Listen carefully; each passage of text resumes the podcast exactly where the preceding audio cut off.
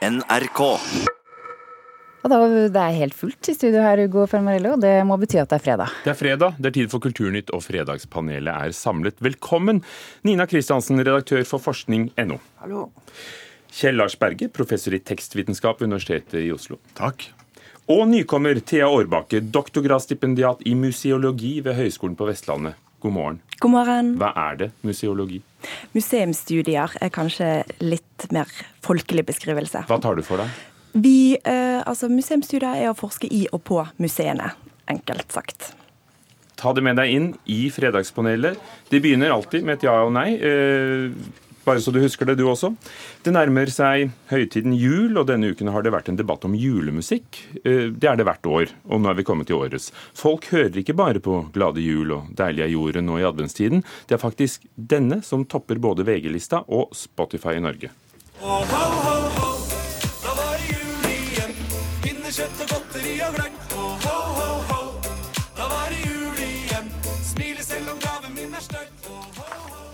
Juletragedien med Erik Follestad og Linni Meister eh, strømmet om lag fem millioner ganger. Eh, Sanger og artist Rein Alexander reagerer på at dette blir kalt en julelåt, og mener det blir helt feil å kalle det for julemusikk overhodet. Er det julemusikk? Ja. Selvsagt. Ja.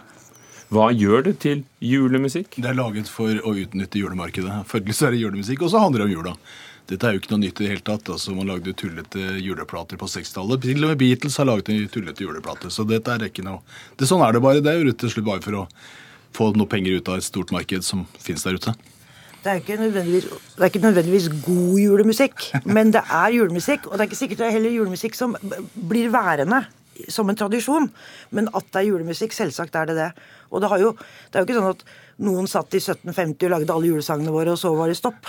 Prøysen lagde jo på 60-tallet Vazelina Bilopeggers med 'Hem att til jul'. Den er jo ny. Jeg tenker Kritikken her er vel, går vel kanskje mer på om, eh, om kvaliteten, og det er vel det Rein Alexander kanskje egentlig mener òg når han uttaler seg. For eh, det finnes jo både gode og dårlige kjærlighetssanger, akkurat som det finnes gode og dårlige julelåter. Jeg tror ikke folk kommer til å gå rundt juletreet med denne låten, for å si det sånn. Altså, Allsangfaktoren er, er lav? Jeg tror det også er veldig unge som hører på denne. Dette er jo musikk for barn, rett og slett. Ja. Så det er eh, kommersiell musikk laget for barnemarkedet. Jeg synes, ja, nettopp at det er litt sånn lette artister da, som kanskje ikke har så stor kvalitet ved øvrig produksjon. Men det er jo ikke sånn at disse her gamle julesangforfatterne var så uh, tunge nødvendigvis heller. Altså, det var jo populær eh, musikk den gangen. Eh, og de var jo ikke verken eh, nødvendigvis sånn tunge eh, i samtida si heller. Poenget er jo bare like folk det. Og det er jo forska på hva er det som gjør en som lager en hit. En Jeg tenkte du kom med noe forskning. Nemlig. Hva viser forskningen? Det, er, det må være repetisjon, for da utløser det dopaminer i hjernen. ikke sant? Vi liker å kjenne igjen. Og så må det være noe nytt. Og så skal det gjerne være en kjent uh, artist. Og det gjaldt i 1750, og det gjelder nå. Hva skal til for at noe sånt vil havne på museum? Thea Årbakke. En, en, eh, En julelåt, hva- dette, ja, da er det jo kanskje Rockheim, det nasjonale museet for eh, norsk pop- og rockhistorie. Vi måtte spurt om det. Men eh, det kan jo tenkes, i alle fall siden den er på topp på Spotify-listene, at det vil ha en museumsverdi. kanskje? Men det er klart at når småunger går rundt og hører på dette i telefonene sine, det er klart at den musikken her slår an. Det er masse sånne låter i markedet. Norske musikkprodusenter og låtskrivere er jo blitt internasjonalt kjent ved å lage den type musikk som er skreddersydd for den type marked, så dette er jo ikke noe spesielt. De bare, de bare tilpasser det til enhver høytid og enhver fest og til allting. ikke sant? Russelåter. er. Er Ja. teksten viktig? Nei, altså det, Jeg tror du synger at eh, vi går i kirke, men det bryr seg ikke så veldig mye om, tror jeg du synger i sangen. Ja, og så tror jeg at de gamle, vi synger jo de gamle julesangene feil, og det er det gjort, også gjort studier på. Vi synger jo f.eks. armer istedenfor de arme små. Så synger vi de armer små. Så det er jo mye. Vi roter jo også med de gamle julesangene. Så språket, eller teksten, tror jeg ikke er den viktigste. Nei. Um, jeg fikk òg noen assosiasjoner da jeg hørte den første gangen til um, introduksjonen til Love Actually, hvis dere husker denne Ja, ja. kjempepopulære jule... Julefilmen, julefilmen, ja. vises nå til og med utendørs store visninger midt i desembermørket. Ja, sant, for der har du jo uh, karakteren Billy Mac som skal gjøre en ny versjon av uh, Wet, Wet, Wet, I Feel It In My Fingers, der han bare putter inn uh, ord som Christmas uh, istedenfor. Og der er det jo den avdankede eh, rockestjernen. her skal jeg ikke hete avdanket, men det er iallfall tidligere idrettsstjerner som gjør eh, en ny versjon Eller ikke en ny Det er versjon, men en, gjør. Mm. ja, en, en julelåt. Hele Love Actually handler jo om den låta. Som, ikke er, som, ikke er, som er laget av The Trogs, forresten. Den heter Love Is All Around. Det har originalen. Oh, den, litt. Og den skulle vi hatt på platespilleren nå. Dere, Det Norske Teatret har hatt to veldig gode år, både i år og i fjor, og mye av grunnen er eh, denne forestillingen.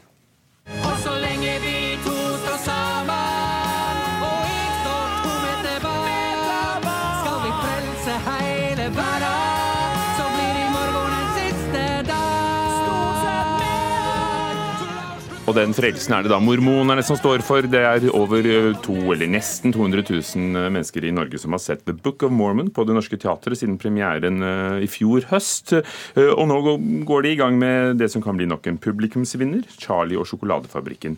Og så får teatret 170 millioner kroner i, statlig eh, støtte i året. Og så kommer en gammel debatt eh, tilbake. Den blusser opp. Direktøren for det private Folketeatret mener at eh, de offentlige bør holde seg unna kassasuksessene. Bør teatret som får statsstøtte, overlate publikumsvinnerne til de private? Thea, Nei. Nina, Nei. Kjell. Nei. Hvorfor så bastante alle sammen? Altså, det, jeg, kan- jeg kan ikke skjønne logikken i det hele tatt. At At han konkurrerer med de statlige støtteteatrene er for så vidt greit nok, men det, det er jo ikke noe argument for at de ikke skal ha suksesser. Altså, Poenget med statlige støtteteater skal jo ikke være at de skal være upopulære, for å si det sånn. Og det er jo ikke noe nytt at norske teatre kjører på folkelighet. Det ligger jo i deres tradisjon. Det er jo et nynorskteater, et folketeater.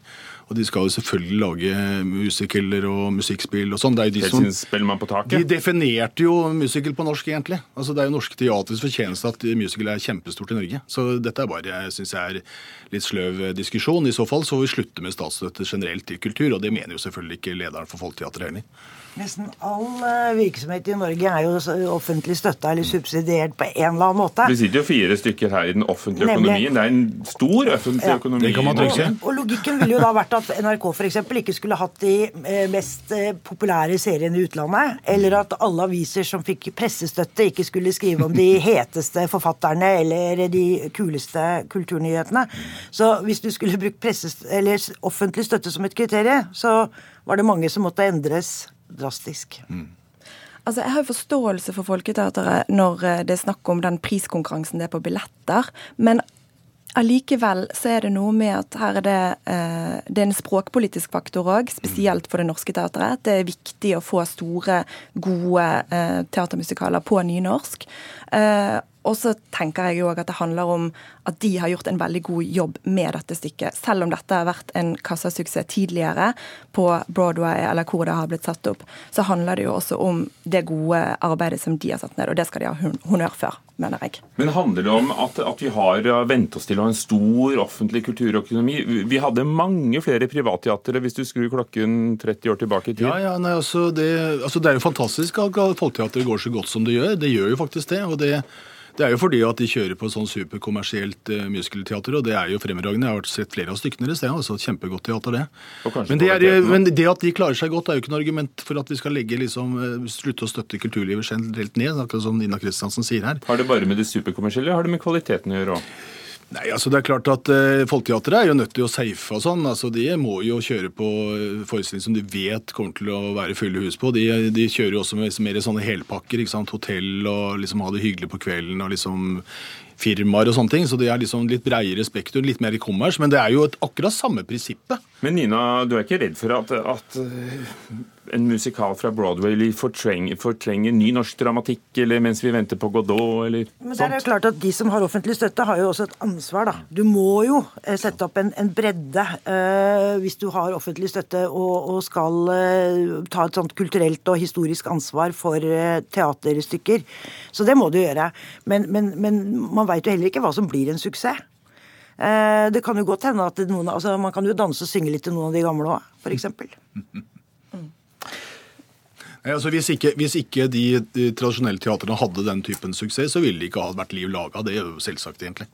Så, så, Jeg skjønner jo ikke hvorfor de er musical i det hele tatt. Det er det verste jeg veit. Altså. hvorfor, hvorfor kan de ikke snakke isteden, tenker jeg? Slutte å synge og begynne å snakke. Taleteater. opera heller, kanskje? Jeg hater opera. Årets ord. Er skjebnelandsmøtet. Har Språkrådet kåret? Eh, Når de gjør det, så kan det være et nyord, men det kan være også et ord og uttrykk av nyere dato som har satt sitt preg på året, og som dukker opp mange nok ganger i den, eh, i den mengden tekst eh, de har satt datamaskinene til å undersøke. Og så er det en rådgiver og en professor som, som velger rett, da. Og, og her sier seniorrådgiverne Språkrådet hvorfor det ble skjebnelandsmøte. Altså Det eksploderte jo nærmest i den eh, tida da det var aktuelt. Men ordet er godt, og hendelsen er så aktuell og såpass på alles lepper at eh, ordet framstår som en tydelig vinner. Mm, og hendelsen viser jo da til landsmøtet i Kristelig Folkeparti, bare så det er sagt. Er skjebnelandsmøtet ordet som best beskriver 2018, Nina Kristiansen? Ja. Thea Årbakke, Nei. Kjell Arsberge? Nei. Men eh, Nina, ja, kom igjen. Jo, jeg, altså Det er jo en helt eh, forunderlig eh, begivenhet som har skjedd, som kanskje kommer til å endre uh, måten vi ser på politikk på. Altså, Alle norske journalister har fulgt et bitte, bitte, bitte lite parti på fylkesnivå for å finne ut hva uh, som skal lede opp til denne store, dramatiske hendelsen, skjebnelandsmøtet. Så jeg tenker at det kan godt bli et ord det på store, viktige landsmøter i åra framover.